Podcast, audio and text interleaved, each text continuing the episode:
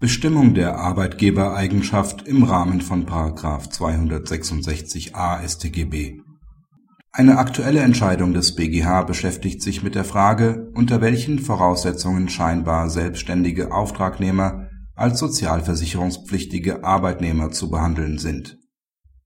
Der Angeklagte ließ durch 90 polnische Staatsangehörige regelmäßig Prospekte verteilen die Verteiler hatten dabei jeweils ein selbstständiges Gewerbe als Prospektverteiler angemeldet. Der Angeklagte führte daher für sie weder Lohnsteuer noch Beiträge zur Sozialversicherung ab. Vor dem LG München II war er daraufhin unter anderem wegen Steuerhinterziehung und nach § 266a StGB verurteilt worden. Die Revision hatte keinen Erfolg nach Ansicht des ersten Strafsenats hatte das LG in dem Angeklagten zutreffend den Arbeitgeber der Prospektverteiler gesehen. Denn hierfür kommt es nicht auf die von den Parteien vereinbarte vertragliche Gestaltung an, sondern allein auf die tatsächlichen Verhältnisse.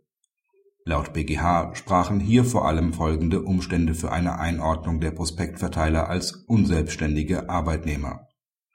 Sie waren vollständig in den Betrieb des Angeklagten eingegliedert der Angeklagte gab die tägliche Arbeitszeit vor, stellte Zeitungsrollwagen zur Verfügung und fuhr die Verteiler mit Kleinbussen in ihre jeweiligen Verteilbezirke. Die Bezahlung erfolgte nach festen Stundensätzen, die Verteiler wurden fast täglich in Vollzeit eingesetzt, daher wäre es ihnen schon zeitlich gar nicht möglich gewesen, auch noch für einen anderen Auftraggeber tätig zu werden. Außerdem verfügten die Verteiler auch nicht über eigene Geschäftslokale und in vielen Fällen auch nicht über die nötigen Sprachkenntnisse, um in Deutschland einer selbstständigen Tätigkeit nachzugehen. Beachtung verdienen die Ausführungen des BGH zum subjektiven Tatbestand. Der Angeklagte wusste um sämtliche tatsächlichen Umstände, die seine Eigenschaft als Arbeitgeber im Sinne von § 266a StGB und § 41 Einkommensteuergesetz begründeten zwar hatte er behauptet, er sei trotz Kenntnis aller tatsächlichen Umstände davon ausgegangen, kein Arbeitgeber zu sein, ein solcher Irrtum wäre nach Ansicht des BGH aber lediglich als ein für den Vorsatz irrelevanter Subsumptionsirrtum einzuordnen.